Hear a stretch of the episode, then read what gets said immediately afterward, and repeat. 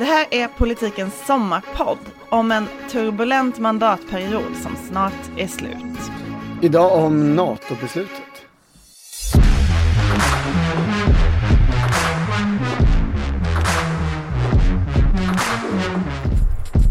Det här är politiken med Margit Strömberg och Torbjörn Nilsson. Vi spelar in det här i Almedalen, det är därför ljudet är lite annorlunda än när vi sitter i vår krispiga studio. Det finns måsar i bakgrunden och kan dyka upp en och annan förvirrad eh, seminariedeltagare det, som inte hittar till rätt lokal och sådär. Så kan det vara. Ehm, det största som hände den här mandatperioden politiskt, det var väl ändå att Sverige ansökte om medlemskap i NATO. Alltså det mest historiska var det väl ändå. Alla andra saker var ju, det var ju många historiska dagar och mycket unika händelser. Men det här är ju ett beslut som, ja, det går ju ändå hävdat eh, med visst fog att det att ändra en säkerhetspolitisk doktrin som i någon mening har gällt i 200 år.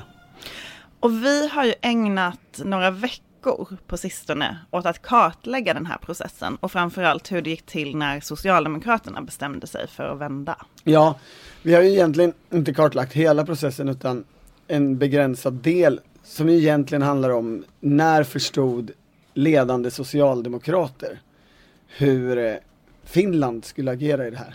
För när väl eh, Finland inofficiellt, eller makthavarna i Finland, hade satt ner foten så fanns det ju inte så jättemånga alternativ för Sverige. Den artikel som vi publicerade i Svenska Dagbladet nyligen om det här baserade sig på eh, långa intervjuer och bakgrundssamtal med många av de centrala aktörerna. Mm. Ett 30-tal ungefär i Sverige och Finland. Och så hade vi en, en del spännande dokumentation också. Som ju var ganska viktigt i arbetet, får man säga. Från regeringskansliet, Ja, dagordningar och deltagarlistor från säkerhetspolitiska rådet och eh, kalendrarna som resekalendrarna från statsråden och tjänstemännen, bland annat. Men det finns ju en del eh, motsägelser i vårt material som vi också skriver om i tidningen. Folk har dels uppfattat situationer på lite olika sätt. Ja men hela den här artikeln får väl, får väl sägas vara en, en förstudie. Det är, det är inte ett avslutat arbete. Det finns, det finns mer att undersöka. Här. Men om man, på, eh, om man skulle börja då med den 24 februari. Ja, det är ju då eh, Ryssland invaderar Ukraina. Det har ju varit en ganska lång upptrappning inför. Men det fascinerande som, som är så tydligt i, i de intervjuer vi gör är ju att, att man är så förvånad i regeringskansliet. Det här har ju andra journalister också pekat på. Mikael Holmström i Dagens Nyheter har ju, har ju skrivit artiklar, eh, eller en artikel åtminstone, om detta. Och eh, allt det vi får fram bekräftar ju hans uppgifter. Att eh, underrättelsetjänsten inte trodde att det här skulle hända trots att det fanns uppgifter på det. Man hade ju fått uppgifter bland annat från USA. Ja, och eh, man trodde inte att det skulle vara en så stor attack eller en fullskalig invasion. Och eh, faktum är ju att, att den här, USA hade ju läckt öppet också eh, under, den, under de sista månaderna. Jag, jag träffade ju en, en person i, i närtid där, eh, eh, precis efter att eh, Putin verkligen hade gått in. En, en regeringstjänsteman som sa så här, Fan vi har vetat om det här i flera månader, ett halvår. Eh, och vi har bara inte fattat eh, eller, analyserat det rätt. Uppgifterna har vi liksom haft, men vi har inte förstått det. Det hände ju också ett antal saker politiskt om vi nu rör oss i den första veckan. Där man märker att eh, regeringen har lite svårt att hitta rätt. Minst Ja. sagt. Magdalena Andersson håller ju den här invasionspresskonferensen där hon inte kan definiera ordet invasion och hon blir sur och kräver sin presschef på ett nytt underlag och så får hon en lapp och så säger hon nu ska ni få höra och så står det ingenting på den där lappen och så blir det, det blir väldigt pinsamt. På frågan om är detta en invasion, så är, så hur definierar man eh, invasion? Svaret på detta är detta är en tydlig aggression och ett brott mot folkrätten. Så kan vi eh, definiera invasion i ett annat tillfälle. Ja. det är en stor polit, politisk bråk om, ska man skicka vapen till Ukraina där regeringen har svårt att, att hitta position.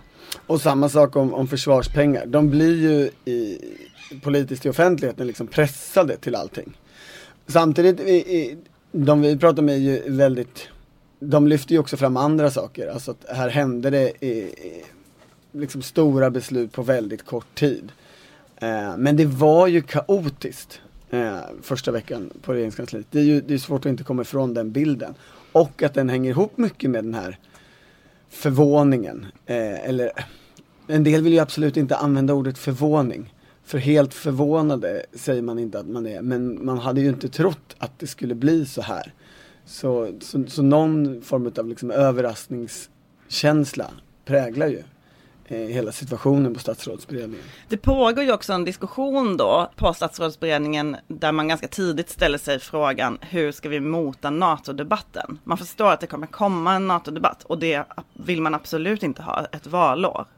Nej, och, och här beskriver ju en del källor det är liksom som två grupperingar av dels liksom utrikesmänniskorna och inrikesmänniskorna. Och inrikesmänniskorna är då så eh, inriktade på inrikespolitik, valår, det här är någonting som bara kommer och stör. Vi, vi ska försöka eh, ta bort det eh, på olika sätt. Eh, och, och det, så det är ju ett spår som lever kvar ganska många veckor. Eh, parallellt med, med en del andra idéer i regeringskansliet om hur det här ska hanteras. Och det blir inga ansökningar om något medlemskap så länge vi har en socialdemokratisk regering. Jag kommer definitivt aldrig, så länge jag är försvarsminister, att medverka i en sån process. Det kan jag garantera alla.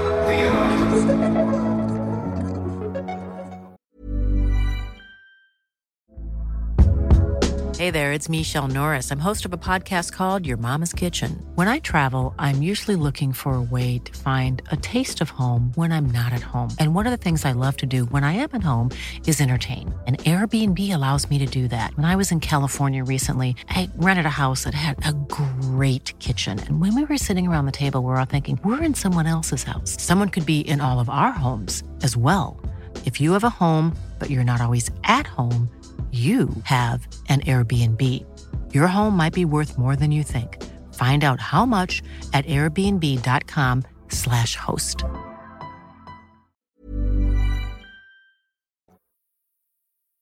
Den andra veckan Mm. in i eh, Rysslands invasion mot i Ukraina så reser Magdalena Andersson, Peter Hultqvist och ett antal tjänstemän till Finland för att träffa Sanna Marin och Sauli Niinistö, alltså statsministern och presidenten. Det här är den 5 mars. Ja, och då har man möten först med Magdalena Andersson, alltså först statsministrarna och då ses också försvarsministrarna och sen träffas allihopa lite senare på dagen med presidenten.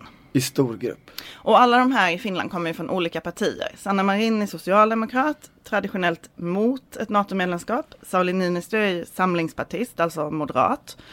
Traditionellt mycket för ett NATO-medlemskap, men presidenten är ju eh, på många sätt opolitisk. Ja. Och driver inte sitt partis agenda på det sättet som en statsminister gör. Eh, försvarsministern är centerpartist. Och de är väl allra mest emot ett NATO-medlemskap Ja men ungefär så. kan man säga.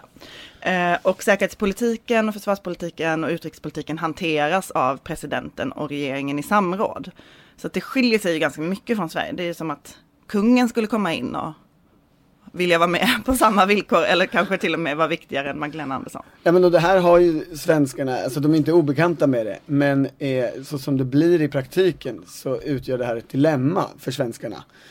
För, för de tycker att de får olika budskap från olika finländska aktörer om ett, huruvida Finland kommer gå med i NATO, eh, eller liksom överväger det. Eh, och två, hur snabbt det i sådana fall eh, skulle kunna ske. På det här mötet med Sanna Marin berättar då eh, källor för oss, är ändå första gången då man känner att hon låter väldigt annorlunda. Att någonting kanske är på väg att hända i Socialdemokraterna. Hon eh, inskärper att det finns en stor oro i Finland och att svenskarna måste förstå att det finska folket har ett historiskt arv som påverkar hur de nu reagerar. Um, och då har, vid den här tidpunkten har ju också opinionen i Finland svängt väldigt hastigt och väldigt kraftigt. Och det finns för första gången någonsin en majoritet för ett NATO-medlemskap. Samtidigt så, så tycker ju svenskarna att, att Sauli Niinistö, presidenten, ger ett helt annat budskap eller besked. Eh, mycket mer, ja, han pratar mycket mer om problemen eller riskerna med ett NATO-medlemskap och mycket mer avvaktande. Så när de reser därifrån så konstaterar de att, att eh, de har hört lite olika röster och så tvivlar de ju på om, om Sanna Marin verkligen har sitt socialdemokratiska parti med sig. Hon är, hon är en ganska ny partiledare eh, och de andra eh, socialdemokrater i Finland som svenskarna ringer och pratar med, de är ju ofta från en äldre generation och de säger nej absolut, vi, vi kommer inte gå med i NATO. Det kommer inte hända. Och så är ju situationen eh, där i, i vecka tre också. Då, då, har de ju enormt många VU-möten. Det har de haft i vecka två med, men, men här är ju VU-mötena sker ju, det, det, är liksom fyra stycken på sex dagar vid, vid ett tillfälle. Och, och VU är ju verkställande utskottet, alltså ja, Socialdemokraternas eh, Alltså, vad ska man säga, det, vi brukar skämtsamt kalla det för det mäktiga verkställande utskottet. Men det är det ju. Det är ju ett, eh, det organ som har makten. Ja. Och sen är det ju liksom partikongressen i någon slags det är operativt beslutande organet ja. kan man väl säga. Det är inte det formellt högsta organet men det är ju på många sätt ändå det. Och där sitter ju eh, många statsråd. Ja, där. Eh, och, och eh, där börjar man ju prata om olika alternativ. Som vi förstår det nu så, så är NATO inte en, en, ett av alternativen här så här tidigt. Utan man pratar ju om, om, om man ska satsa på att hjälpa till att bygga upp ett EU-försvar, något som Sverige varit emot. Eh, att helt och hållet rusta upp egen förmåga, eh, vilket skulle kosta jättemycket pengar. Och då eh, den här idén om att fördjupa det bilaterala samarbetet med Finland och kanske har målet att, att bilda en försvarsunion eller ett försvarsförbund med Finland. Ja, och som då skulle vara, Sverige har ju ett väldigt djupt samarbete redan inom försvaret med Finland, men då skulle det handla om en försvarsallians med bindande åtagande, för det är ju det som Sverige inte har, alltså NATOs motsvarighet till artikel 5. Och det, det, är det som då diskuteras och att det sen skulle vara på något sätt också med USA i nästa led och därmed också NATO. Exakt hur turerna går i verkställande utskottet här eh, vet vi inte fullt ut skulle jag säga. Men, men eftersom det är så många möten och man vet att de här alternativen är uppe på bordet så får man nog förutsätta att, att det är ganska livliga diskussioner om det här eh, vid den tiden. Men fortfarande så tänker ju inte svenskarna att finländarna faktiskt kommer vilja ansöka om NATO-medlemskap. Eh, första gången man, man kan se att, att det liksom börjar sprida sig den insikten eller analysen bland viktiga socialdemokrater i Sverige är ju i krigets fjärde vecka. Precis, där händer det ju väldigt mycket både i Sverige och i Finland. Mm. Eh, men det kanske viktigaste är att det pågår ett SAMAK-möte i Stockholm som leds av EU-minister Hans Dahlgren. Och Finlands EU-minister kommer också hit till det mötet. Hon heter Titti Tupparainen med reservation för uttalet. Det är ett fantastiskt namn. Eh, Magdalena Andersson är också i London vid den här tidpunkten. Men på det här SAMAK-mötet, det är alltså Nordiska arbetarrörelsens samarbetskommitté. Alltså det är sossar från Norden. Det var bra att du förklarade för jag tror inte så många Nej, det är inte så många som känner till. Det fick inte heller särskilt mycket uppmärksamhet. Det var in, ingenting som det Nej. rapporterades så Nej, det här är egentligen om. någon slags internt liksom, partimöte mellan partier i, i nordiska länder. Det är i vanliga fall fullständigt ointressant. Och där, ja, för, kanske för nyhetsjournalister för åtminstone. Ja. ja. Nej men och där kommer man, får man återigen då höra att det finns en tydlig inriktning mot NATO. Och mellan det här första finska mötet i Finland, där man för första gången tänker det, och det här SAMAK-mötet några veckor senare, så har man ju också träffats på olika EU-toppmöten och där också hört från Sanna Marins tjänstemän att eh, jo men det finns en väldigt tydlig riktning mot NATO, även om man inte officiellt säger att beslutet är fattat. och här beskriver ju källor hur det blir en, en annan, ett annat tonläge i, i liksom den interna diskussionen efter det här mötet. Att eh, Magdalena Andersson på ett tydligare sätt säger att vi ska också diskutera NATO, allt är på bordet, allt är möjligt. Så eh, om inte hon ändrar sig här så, så liksom ja, vrids nyansen en, en aning och plötsligt så blir den frågan mycket viktigare. Här har vi också uppgifter som är superintressanta eh, men där eh, eh, utsagorna går isär om, om Ann Linde. Eh, några menar ju att Magdalena Andersson eh, ska ha kontaktat Ann Linde och bett henne vara med på verkställande utskottet. Hon har ingen ordinarie plats där. Eh, just för att i VU-kretsen så var det så få som, som ville att NATO skulle vara på bordet och så många som, som bara ville prata om den här försvarsförbundsidén. Att, att de, hon, Andersson då skulle tyckt att vi, vi behöver stöd för att eh, hålla igång NATO-diskussionen. Och det, den utsagan bygger ju också på att Ann Linde i det här skedet inte, om inte är för NATO så åtminstone liksom vill åt det hållet eller vill ha den diskussionen. Samma vecka som det här SAMAK-mötet, då byter Magdalena Andersson statssekreterare med ansvar för utrikesfrågor. Mm. Då kommer Oskar Stenström hem från Chile. Yep. Och Oskar Stenström har ju eh, en lång och betydelsefull eh, historia i socialdemokratisk utrikespolitik. Ja, han var ju internationell sekreterare i SSU redan på 90-talet. Typisk högersosse får man väl definiera honom som. Eh, och sen har han jobbat under många år med eh, Urban Ahlin som var utrikespolitisk talesperson och just Ann Linde som, som var internationell sekreterare i partiet. De tre tillsammans som en trio formade mycket av Socialdemokraternas utrikespolitik. Liksom årens, ja, de, Anna Linds sista år och åren efter. Und, och inkluderat liksom Mona Sahlin och alla de här kaosåren med Juholt och sådär. Oskar Stenström har ju också varit statssekreterare sen i regeringskansliet mm. eh, innan han blev ambassadör i Chile och var ju på den tiden känd som en person som fick väldigt mycket gjort, om man säger så. Absolut. Och det här, det här skrev ju inte texten, men vi, vi har ju en, en, underbart intressant uppgift om att han blev erbjuden jobbet som kabinettssekreterare hos Ann Linde, men tackade nej. För att han hade en sån stark Sydamerika-längtan. Vi säger det nu så kan någon ringa och dementera.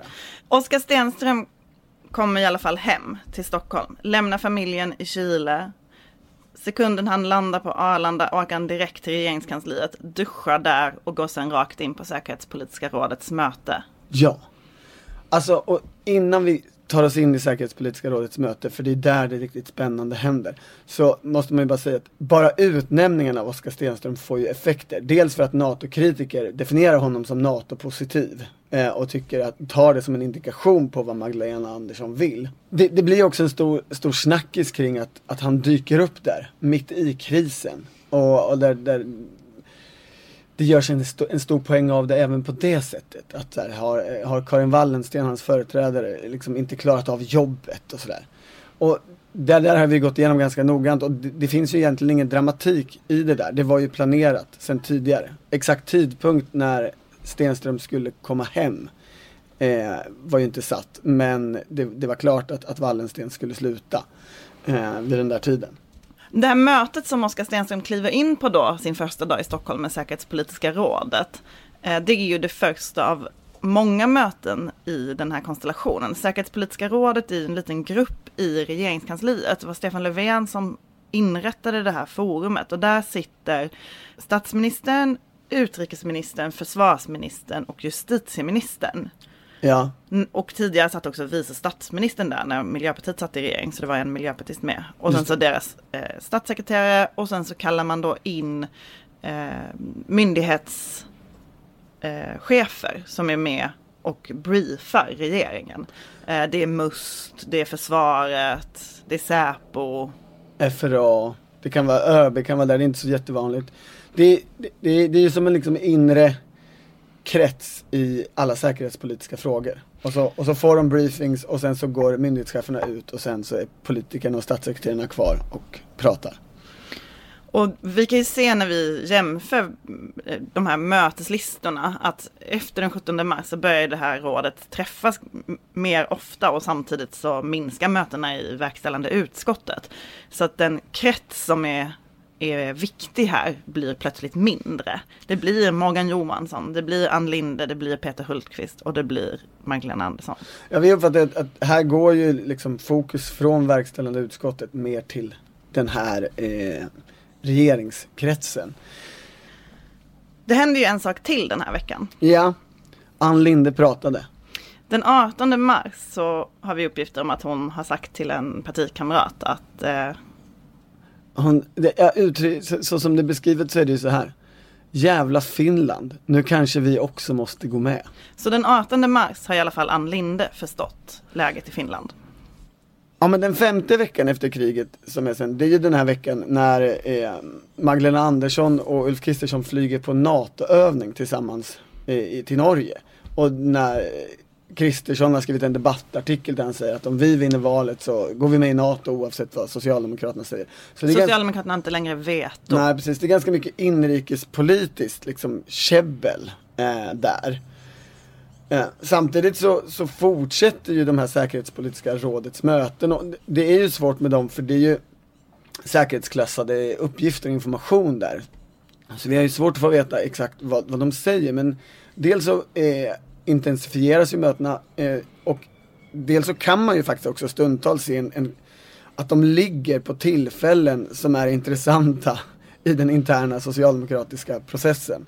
Alltså kopplade till stora VU-möten och, och sådana saker. Samtidigt så pågår det ju väldigt mycket i Finland hela tiden. Ehm, det kommer ju tydliga tecken på att både Sannfinländarna, Centerpartiet, Socialdemokraterna är på väg att svänga. Ja, under den här veckan och ännu mer kanske i sjätte veckan så, så säger ju parti efter parti där antingen att partiledaren går ut och säger nu har jag ändrat mig eller så har de processer där det är så här eh, eh, partiledningen ber eh, eh, något förtroenderåd som man har kallat in om förtroendet att fatta nödvändiga beslut för rikets säkerhet. Det, tidigare socialdemokratiska statsminister, alltså Sanna Marins företrädare, går ut och säger att han är för NATO. Så på det sättet så, så är det ju även i helt öppna källor eh, en klar upptrappning i Finland. Eh, och några säger ju redan här, eller många i Sverige, alltså att det, man ser ju tydligt att vart de ska gå. Men svenskarna tvivlar ju fortfarande. Den 30 mars sätter sig dock Magdalena Andersson i 30 minuter i Sveriges Television med Anders Holmberg. Och det är första gången som hon offentligt låter annorlunda. Då säger ju hon mycket tydligt att hon inte utesluter ett NATO-medlemskap. Och det tas ju emot som en eh, stor förändring. Alltså när man frågar eh, oppositionspolitiker idag, när tror du att de svängde? Då pekar alla på den intervjun. Där hände det någonting. Mm. Därutöver har vi fördjupat vårt samarbete med Nato i form av ökat informationsutbyte i den här situationen. Och vi har nu också eh, bjudit in riksdagspartierna till överläggningar för att analysera den här nya situationen. Och, och vår undersökning är ju, vi är väl mer inne på att det hände någonting några veckor innan där. Eh, som gör att hon har det på bordet och kan säga som hon säger i 30 minuter. Men allt det här handlar ju om hur och när politikerna uppfattar vad som är på gång och på, på väg att hända i Finland. Ja, Eh, hur, vad, man, eh, vad man gör för analys av det grannland som man faktiskt har rätt så dåliga relationer till och dålig koll på. Och det är ju, beskriver många, en långsam insikt som växer fram. Men den sjunde veckan, då är det ja för, för det man, man kan tydligt att något har hänt. Ja, det man kan peka på konkret är ju att de diskuterar ju så att säga alternativ, säger man. Och till slut säger de, försvinner alla alternativ? Och det är när Finland bestämmer sig. Och så frågar man de här olika personerna i, i Sverige, när bestämde sig Finland då? Och då är, får man ju helt olika datum. eh, men eh, för att de uppfattat eh, att Finland har bestämt sig vid olika tillfällen, det är att gå in i olika människors beslutsprocesser och liksom analysprocesser. Men den sjunde veckan är ju den där väldigt många svenskar till slut landar ner i att ett accepterande av så här är det. Ja men för det som har hänt är ju att man fortsätter att diskutera det här försvarsförbundet. Ska Sverige och Finland ingå en försvarsallians? Det är ju ett alternativ som Peter Hultqvist jobbar väldigt mycket med. Mm. Det påminner ju mycket om den säkerhetspolitiska doktrin som han har byggt upp under åtta år, alla de här olika samarbetena. Um, och från, de tycker svenskarna att de får lite vaga svar från Finland. Alltså Niinistö har själv varit ute i Financial Times och pratat om det som ett alternativ. Ja, ganska... Finländarna har, har varit med i den processen. Mm. Eh, men håller ju på att avfärda den och svenskarna är lite osäkra. De säger till finländarna, ni måste ge oss klara besked. Det är inte o vi blir inte ledsna om ni inte vill ha ett försvarsförbund med oss, men vi måste få veta. Och avgörande här är ju, är ju en resa. Det är ju återigen resorna som liksom när man frågar, man frågar människor i, i regeringskansliet om så här, men ser ni inte vad som står i finska tidningar? Eh, för det kan ju du och jag se vid den här tiden också. Så, så säger de, jo det gör vi ju, men det går inte att gå på sånt. Ska man fatta liksom beslut om sådana här stora saker så måste man liksom känna det så mycket att eh, man träffar folk och det kan man inte göra på annat sätt än, än, än att mötas och åka dit. Den här så därför reser de ju till Finland här igen. Mm, Men den, det... den 6 april reser ju Oskar Stenström och eh, Magdalena Anderssons andra statssekreterare, eller hon är formellt åt Hans Dahlgren, men hon jobbar åt Magdalena Andersson, Paula Carvalho Olofsson. Mm. Det är ju de två som hanterar den här processen väldigt mycket. Och då reser de till Helsingfors och träffar både Sanna Marins och Sauli Niinistös tjänstemän, alltså deras motsvarigheter i Finland. Ja, och den här resan är ju inte en resa där sta, liksom statsråd eller minister åker med och det är fototillfällen och sådana där saker, utan den här är ju de flyger över, över Östersjön med enda uppdraget är att så här, nu måste vi få klara besked. Det, det är en underhandsresa liksom. Och Mikael Damberg är ju också i Helsingfors samtidigt och träffar näringslivet och det är också svenska näringslivsföreträdare med. Och för alla blir det ju tydligare och tydligare att det finns inget alternativ. Eh, den här helgen går ju också Erkki Tuom... Det är ett underbart namn. Tuomioja. Tuomioja Ehm, ute i medierna. Han är ju vice ordförande i utrikesutskottet, en liksom känd utrikespolitiker i, i hela världen. Svenska utrikespolitiker pratar rörande om sin relation till honom som har pågått i många år. Um, han går ju ut och säger till, i, i, Finland att ni borde ju, eh, vi finländare borde ändå ta den här försvarsförbundsidén på allvar. Det är ett sista desperat skrik. Eh, han förstår ju att han, att han har losat den här veckan. Han säger ju till medierna att Peter Hultqvist har drivit den här frågan men att den inte längre finns på bordet. Så någon gång där i sjunde veckan så dör eh, också för svenskarna, försvarsförbundsidén. Och då har de inga alternativ kvar på bordet av sina tre. De, de andra två har de avfärdat sedan tidigare. Och då går det ju väldigt fort. Det, det, det, är två VU-möten den mm. där veckan och plötsligt så ska de börja diskutera en, en partidialog. Precis. Och på VU-mötet eh, på, på den 8 april, på fredagen den här veckan, då har de både, de har VU på morgonen, sen har de säkerhetspolitiska rådet på eftermiddagen, sen ska Stefan Löfven också tackas av i eh, riksdagens sammanbindningsbana, så då måste de allihopa rusa dit. Och eh, här fattar man ju beslut om att inleda den här dialogen mm. i det socialdemokratiska partiet. Och det pågår en diskussion, eller det finns en diskussion på VU om detta där man är ja, men, oeniga om processen. Därför att Morgan Johansson och Anders Ygeman till exempel tycker att, enligt våra uppgifter då, att så drar man igång en sån här process, då vet alla att det kommer landa i ett ja till NATO. Det finns inget annat alternativ. Och då frågar man sig, är det rätt tid? Gör vi det på rätt sätt? Kommer partiet hålla ihop? Det är mm. ju en, en nyckelfråga här. Där, där, är det ju fortfarande lite oklart. Det finns ju också de som säger att jag, jag är Morgan Johansson och Anders Ygeman som varandes representanter för de stora eh, liksom vänsterdistrikten var kritiska i VU-diskussionen men att det ska ske tidigare och inte direkt kopplat till den här partidialogen utan mer på eh, liksom synen på NATO i allmänhet. Men det mest spännande är ju att när man lägger det där pusslet så egentligen känns ju allt klart den sjunde eh, veckan. Eh, här, för, här faller ju försvarsförbundet och, och, och, och det finns ingen annan väg. Men en av de här personerna i, i den inre säkerhetspolitiska kretsen i Socialdemokraterna har ju berättat när han ändrade sig om eh, NATO. Försvarsminister Peter Hultqvist, han ändrade sig den 11 april klockan 8.15. Det här berättade ju han eh, både i Dalademokraten och i Dagens Nyheter. Han skrev själv i Dalademokraten och han blev intervjuad i Dagens Nyheter. Och det publicerades direkt efter att Socialdemokraterna hade fattat sitt beslut den 15 maj.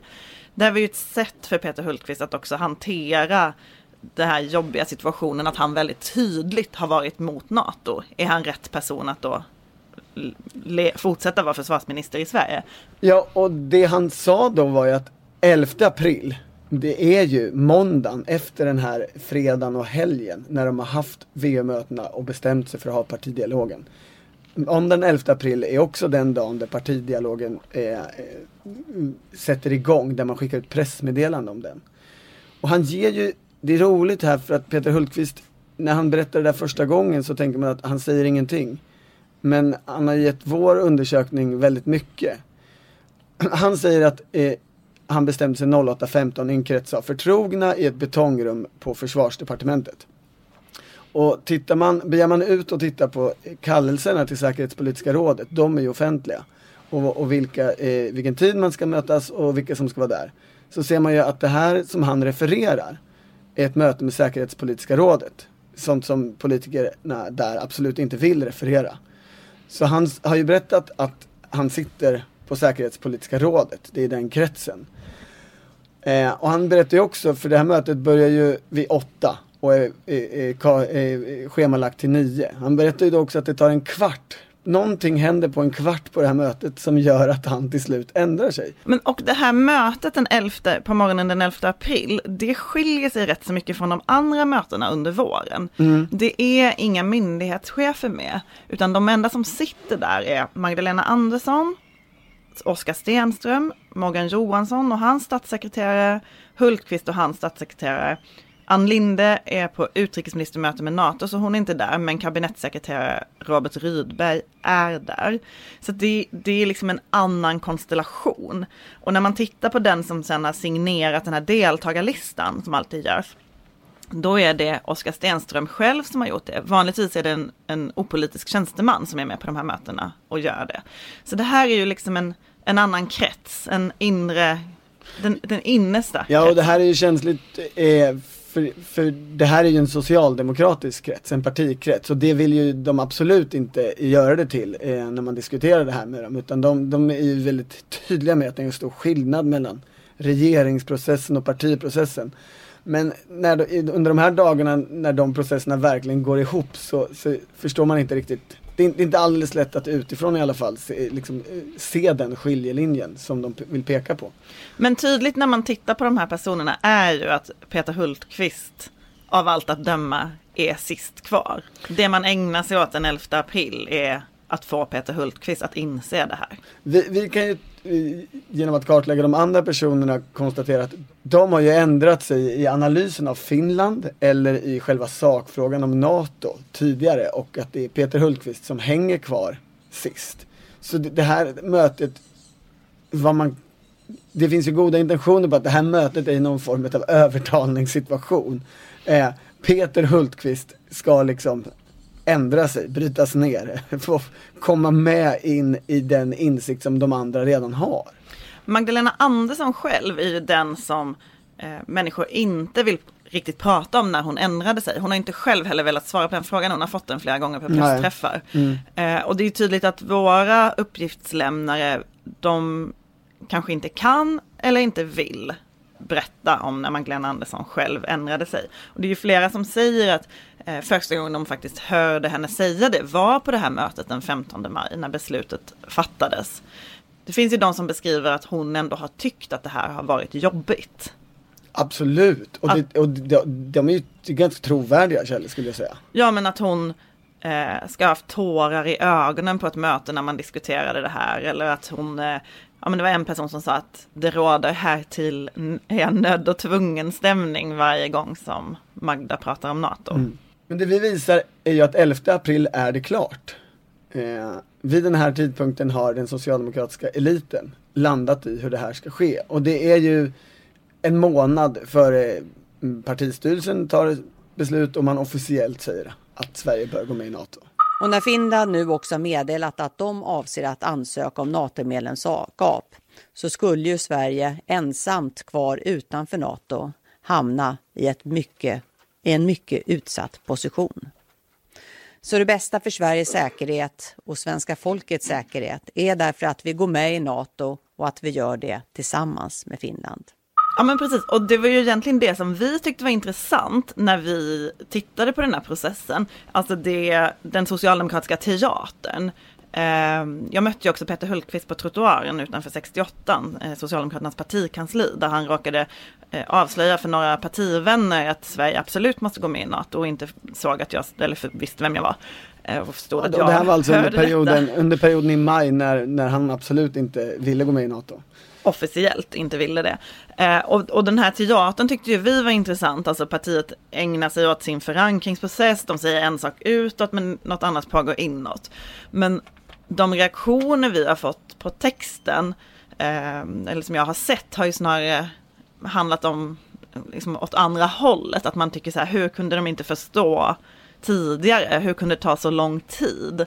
Liksom omvänt från det som vi tyckte var intressant. Ja, det, och, och, och, det finns väl också de som i, i partiet menar att det här beslutet skedde ännu tidigare än vad ni förstår.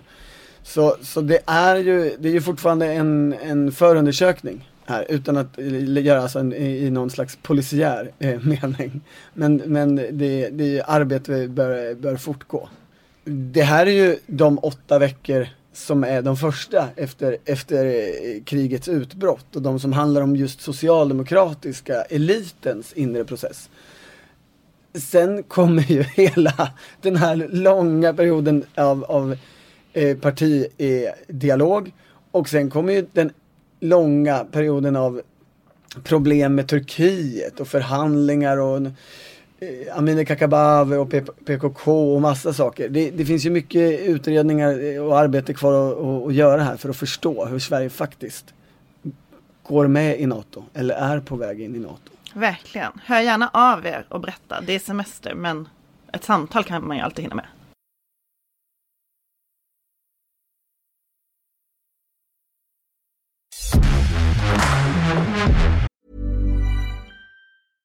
Flexibility is great. That's why there's yoga. Flexibility for your insurance coverage is great too. That's why there's United Healthcare Insurance Plans. Underwritten by Golden Rule Insurance Company, United Healthcare Insurance Plans offer flexible, budget friendly coverage for medical, vision, dental, and more. One of these plans may be right for you if you're, say, between jobs, coming off your parents' plan, turning a side hustle into a full hustle, or even missed open enrollment. Want more flexibility? Find out more about United Healthcare Insurance Plans at uh1.com.